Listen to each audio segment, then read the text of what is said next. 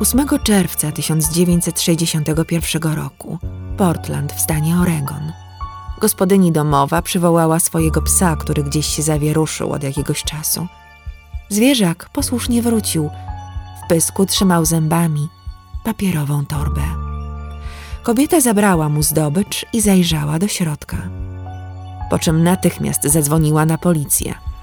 W torbie była odcięta ludzka stopa, raczej kobieca, z paznokciami pomalowanymi na jaskrawy czerwony kolor. Palce stopy były bardzo charakterystyczne i dziwnie płetwiaste.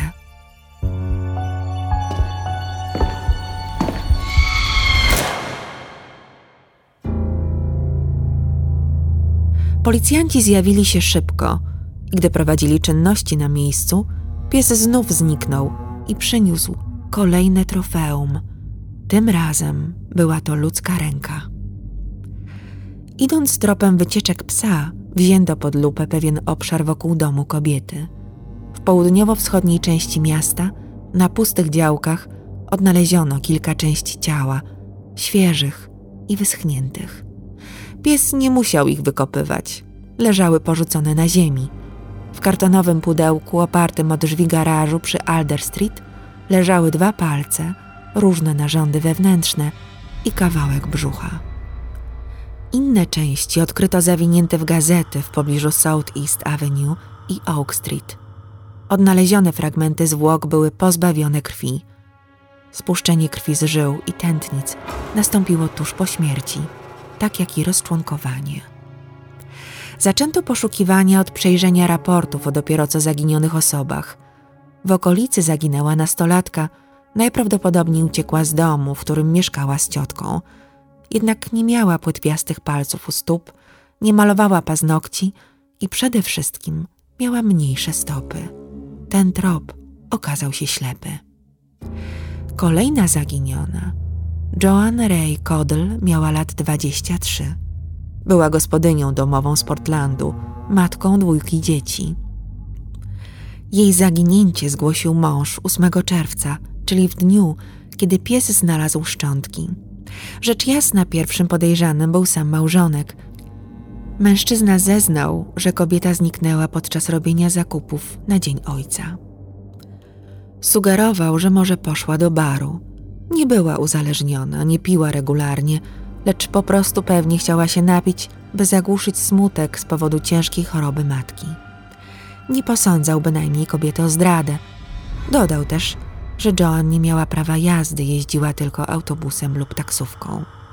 Zapytany o kształt jej stóp, nie potrafił powiedzieć, jak wyglądały, bo nigdy nie zwracał na to uwagi. Jedyną poszlaką w tamtej chwili był rozmiar buta pani Kodel. Pasował do znalezionej stopy. Wkrótce zdjęto odbitki palców ze znalezionej dłoni i potwierdzono identyfikację. Szczątki rzeczywiście należały do Joan Kodel. Niebawem zgłosił się świadek, lokalna ćma barowa, kobieta dobrze znana policji z wywoływania pijackich burt i licznych zatrzymań. Wieczorem, 7 czerwca, Siedziała jak zwykle w barze, gdzie poznała mężczyznę, który przedstawił się jako Dick Marquette. Wyglądał całkiem przystojnie. Wysoki, szczupły blondyn o niebieskich oczach, może niezbyt elokwentny, za to z mocną głową do picia alkoholu. Rozmawiali, gdy dołączyła do nich druga kobieta, najprawdopodobniej Joan. Świadek zidentyfikowała ją na zdjęciu. Marquette zainteresował się właśnie nią – Niedługo potem wyszli razem z lokalu. Tym sposobem stał się głównym podejrzanym. Policja znalazła jego dom bardziej przypominający szałas niż budynek, jednak mężczyzny nie zastano w środku. Policjanci mieli już nakaz przeszukania posesji. W lodówce marketa znaleźli dokładnie pokrojone części ludzkiego ciała, owinięte w gazetę oraz zakrwawioną bieliznę należącą do Joan. Brakowało jedynie głowy kobiety. Natychmiast wydano nakaz aresztowania i rozpoczęto polowanie na Richarda Marketa. W tym czasie, przez trzy tygodnie, podejrzany jeździł autostopem i autobusami po zachodnich Stanach, aż do Meksyku. Mark Hatfield, gubernator Oregonu, czuł, że sytuacja go przerasta. Do powszechnej paniki było jeszcze daleko, ale media zdążyły nagłośnić sprawę poćwiartowanych zwłok i zbiegłego sprawcy, więc mieszkańcy stanu głośno domagali się efektów śledztwa i ujęcia mordercy. Gubernator poprosił o pomoc FBI. Po raz pierwszy w historii lista dziesięciu najbardziej poszukiwanych przez FBI przestępców powiększyła się o jedenaste nazwisko. Richard Lawrence Marquette jako tzw. Tak Special Edition pojawił się na niej 29 czerwca 1961 roku. Przy okazji wyjaśnię, że ścigani usuwani są z listy tylko wtedy, gdy zostaną ujęci, umrą lub zostaną oczyszczeni z zarzutów. Jako ciekawostkę dodam, że na dzień 9 stycznia 2023 roku na liście od początku jej prowadzenia, czyli 1950 roku, było 529 uciekinierów, w tym 11 kobiet. 494 schwytano lub zlokalizowano, w tym 163 dzięki pomocy zwykłych obywateli. Oczywiście za pomoc przysługuje nagroda, zupełnie jak w czasach Dzikiego Zachodu, i jest to co najmniej 100 tysięcy dolarów. Marquette widniał na liście Most Wanted zaledwie jeden dzień. Został aresztowany 30 czerwca w Santa Maria w Kalifornii. Rozpoznał go kierownik Agencji Pośrednictwa Pracy, który zobaczył ogłoszenie Wanted ze zdjęciem i listem gończym powieszone w biurze kredytowym. Rozpoznał na fotografii swojego najnowszego klienta. Powiadomiono FBI, którego przedstawiciele odnaleźli Marketa przy pracy na złomowisku, gdzie wykonywał dorywcze roboty. Agenci FBI udawali klientów zainteresowanych zakupem jednego ze stosu materacy, który piętrzył się na podwórku. Czy ty jesteś Market? wrzasnął główny agent, gdy pojawił się podejrzany. Och, powiedział spokojnie, unosząc dłoń do czoła, by zasłonić blask słońca. Tak, jestem. 26-letni morderca zachowywał się spokojnie, tak jakby mu ulżyło. Nie stawiał oporu. Gdy przewożono go do więzienia hrabstwa Santa Barbara, w tym samym czasie policjanci z Portlandu brodzili w rzece Willamette, szukając głowy Joan. Bez skutku. Okazało się, że Marquette był już wcześniej notowany. W czerwcu 1956 roku aresztowano go za usiłowanie gwałtu. Jednak ofiara nie wniosła oskarżenia i 21-latek został zwolniony. Kilka miesięcy później miało miejsce drugie zatrzymanie, tym razem za zakłócanie porządku publicznego. W sierpniu kolejnego roku próbował obrabować stację benzynową w Portlandzie. Podczas napaści uderzył pracownika stacji workiem pełnym kluczy. Został aresztowany i skazany na 18 miesięcy. Tylko tyle, bo przyznał się do winy i okazał skruchę. Odsiedział zaledwie 12 miesięcy. Za dobre sprawowanie skrócono mu karę. Po wyjściu na wolność wrócił do rodzinnego Portlandu. Dlaczego Joan Codell podeszła do Marketa w barze? Dlaczego wydała na siebie nieświadomie wyrok? Była, jak twierdził sprawca, w towarzystwie innego mężczyzny, jednak rozpoznała Richarda, bo podobno chodzili razem do szkoły podstawowej. Podeszła do niego, wypili kilka kolejek i to w niejednym barze. Wylądowali w taksówce i dotarli do jego domu przy South East Avenue. Jeszcze wypili po piwie i poszli do łóżka. Według Dicka Joan zrobiła to dobrowolnie. Seks zakończył się kłótnią i Marquette w gniewie udusił kobietę. Zabić w afekcie to jedno, jednak jak pozbyć się zwłok, zwłaszcza gdy nie ma się samochodu? Richard wpadł na najlepszy według niego pomysł. Ciało martwej kobiety ułożył pod prysznicem i tam je rozkawałkował. Czy rzeczywiście tak przebiegał ostatni wieczór Joan? Niestety został tylko jeden świadek morderca, i tylko na jego słowie śledczy mogli polegać. Poćwiartowane ciało niewiele już mogło zdradzić. Dzień po aresztowaniu sprawca udzielił wywiadu reporterowi Santa Barbara Press. Byłem zwariowany, śmiertelnie pijany, powiedział, odnosząc się do chwili, gdy dusił kobietę. Twierdził, że obudził się wcześnie rano i znalazł zwłoki Kodyl w swoim domu. Pierwszej chwili nie pamiętał, że sam ją zabił. Reporter, który przeprowadzał wywiad Barney Brantingham, określił Marketa uprzejmie rozmownym, ani nerwowym, ani kłótliwym. 2 lipca odnaleziono głowę kobiety. Wskazał ją morderca na brzegu rzeki w pobliżu Oaks Park w Portlandzie. Richard stanął przed sądem oskarżony także o gwałt. Prokurator nie wierzył, że John z własnej woli poszła z nim do łóżka.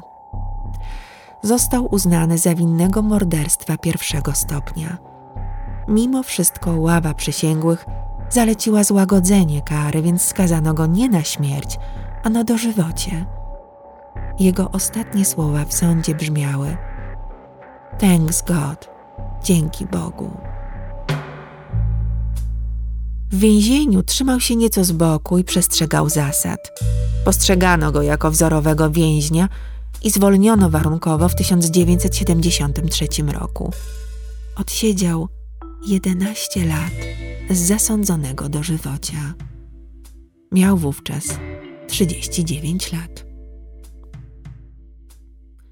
Niestety to nie jest koniec tej historii. Marquette zamieszkał w Salem w Oregonie. Pracował jako pomoc hydraulika.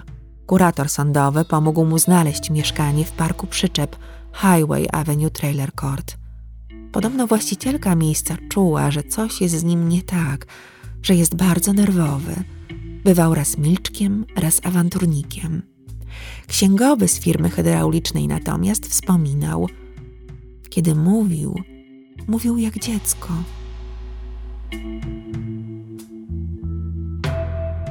Minęły dwa lata. W kwietniu 1975 roku rybak wydobył okaleczone ludzkie szczątki w płytkim bagnie w hrabstwie Marion w Oregonie. Podobnie jak 14 lat wcześniej zwłoki zostały wydrenowane z krwi i poćwiartowane. Nie znaleziono jedynie genitaliów. Sprawca nie próbował ukryć czy choćby zakopać poćwiartowanego ciała. Po prostu je porzucił. Szczątki należały do 37-letniej Betty Wilson z Karoliny Północnej. Kobieta była matką 11 dzieci i żyła w potwornej biedzie. Mieszkała w opuszczonym autobusie szkolnym na skraju miejskiego wysypiska. Ona i jej rodzina nie mieli prądu ani bieżącej wody. Mężczyzna, za którego wyszła w wieku 16 lat, nie był dla niej najdelikatniejszy. Ostatecznie dzieci wylądowały w opiece zastępczej, a kobieta zdecydowała się zacząć inne życie. Uciec od przemocowego męża i nędzy. Schowała się w bagażniku samochodu swojej siostry, o czym ta wiedziała, i uciekła z nią do Salem. Ostatni raz widziano ją żywą w klubie nocnym. Także tym razem pierwszym podejrzanym był mąż. Rzeczywiście wiele wskazywało, że mógł chcieć się zemścić, jednak miała alibi. Gdy zginęła Betty, mężczyzna przebywał w Karolinie Północnej, na drugim końcu Stanów. Śledczy powiązali modus operandi z wypuszczonym więźniem, Richardem Marketem. Zaczęto go obserwować i przeszukano jego dom, czyli przyczepę mieszkalną. Znaleziono kilka drobnych dowodów rzeczowych wiążących go z Betty. Minęło 55 godzin od znalezienia jej szczątków, gdy Marquette został aresztowany. Przyznał się do winy. Właściwie niemal powtórzył swoje zeznania sprzed lat. Poznali się w klubie nocnym. Przyjechał z nią do domu, zgodziła się na seks, potem zmieniła zdanie, dlatego udusił ją i poćwiartował. W sumie zrobił to bardzo precyzyjnie, choć upierał się, że nie miał doświadczenia w porcjowaniu mięsa. Posiadał samochód i to furgonetkę, którą mógł wywieźć ciało. Po co więc je pociął? Psychiatrzy uznali Marketa za osobę poczytalną. Zachowywał się normalnie, dopóki nie został odrzucony przez kobietę. Zapewne to popchnęło go do zbrodni. W maju 1975 roku skazano go na dożywocie bez możliwości wcześniejszego zwolnienia. W tamtym czasie nie skazywano w Stanach Zjednoczonych na karę śmierci z powodu uznania jej za niekonstytucyjną. W 1976 roku Amerykanie zmienili zdanie i znów zaczęli wysyłać skazańców na krzesło elektryczne do komór gazowych lub podawać im śmiertelny zastrzyk. Wyroków wydanych wcześniej nie zmieniali. Czy Marquette zabił tylko dwie kobiety? Przyznał się po drugim aresztowaniu do zamordowania trzeciej w 1974 roku. Poznał ją w barze, poszła do jego domu, tam ją udusił i rozkawałkował ciało. Szczątki wrzucił do dwóch płytkich grobów. Głowy nigdy nie odnaleziono. Niestety nie udało się zidentyfikować ciała, a sam morderca nawet nie znał imienia ofiary. Od 11 czerwca 1975 roku Richard Lawrence Marquette przebywa w więzieniu stanowym w Oregonie. Nie kwalifikuje się do zwolnienia warunkowego. Dziś ma 88 lat. Jeszcze jako 84-latek pracował przy sortowaniu kartonu, plastiku i innych śmieci w ramach więziennego programu recyklingu. Jest zaangażowany w grupach katolickich. Nie chce mówić, co skłoniło go do popełnienia zbrodni. Praktycznie niewiele wiemy o jego dzieciństwie i okresie dojrzewania. Nie ukończył szkoły średniej i był w armii. Uwielbiał krążyć po barach, a jak mówiłam, głowę miał bardzo mocną. Zapytany o jego zbrodnie wkrótce po aresztowaniu w 1961 roku, wzruszył ramionami. Nie mogę cofnąć czasu, powiedział. Co się stało, to się nie odstanie. Czy wysysał krew ze swoich ofiar, jak możemy przypuszczać? Czemu tak dokładnie ćwiartował ciała, a kompletnie nie przykładał się do ukrycia ich fragmentów? Jego sprawa wciąż nie jest jednoznaczna i choć żyje, nie uzyskamy odpowiedzi na wiele pytań, które dziś zadałam. Na jednej ze stron z aukcjami Merderabiliów znalazłam kopertę i odręcznie napisany list Richarda pochodzący z 2018 roku. Cena 50 dolarów, czyli chyba niezbyt wygórowana. Na koniec myślę, że zaciekawią Was pewne statystyki. Marquette w Oregonie powiększył liczbę seryjnych morderców grasujących w tym stanie, do których należeli w drugiej połowie lat 70. m.in. Ted Bundy, Randy Woodfield czy Dayton Leroy Rogers. Według Huffington Post siedem osób na każdy milion mieszkańców Oregonu zostanie zamordowanych przez seryjnego mordercę. Przerażające, prawda? Chociaż Oregon zajmuje dopiero szóste miejsce w Stanach Zjednoczonych pod względem liczby seryjnych morderstw. Najwięcej seryjnych zabójstw popełniono, tu chyba Was zaskoczę, na Alasce. Liczba seryjnych zabójstw na 1 milion mieszkańców wynosi 15,65. Najbardziej krwawą dekadą były tam lata 80. XX wieku. Ponad połowa z 51 seryjnych morderstw, które miały miejsce na Alasce, wydarzyła się w latach 1980-1990. Żaden stan nie ma wyższego wskaźnika seryjnych morderstw niż Alaska. Stan ten ma też najwyższy wskaźnik brutalnej przestępczości w całym kraju. Drugie miejsce zajmuje stan Nevada. Trzecie Floryda. Podaję Wam te dane na wypadek, gdybyście się wybierali do Stanów Zjednoczonych i planowali wycieczkę po różnych stanach. Małe postscriptum odnoszące się do pierwszej zbrodni Marketa. Czy jesteście w stanie bez sprawdzania teraz. Powiedzieć, jak wyglądają czy wyglądały ręce lub stopy waszego partnera lub partnerki? z tym niewinnym pytaniem, oby nigdy odpowiedź na nie nie okazała się konieczna, zostawiam Was i życzę dobrego dnia lub słodkich snów. Źródła, z których korzystałam, to Oregon Life, The Oregonian, z którego pochodzą cytaty, Huffington Post, Portland Monthly i strona FBI.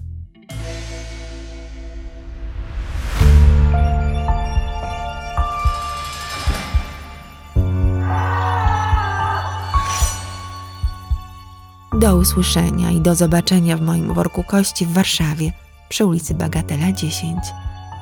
Renata z worka kości.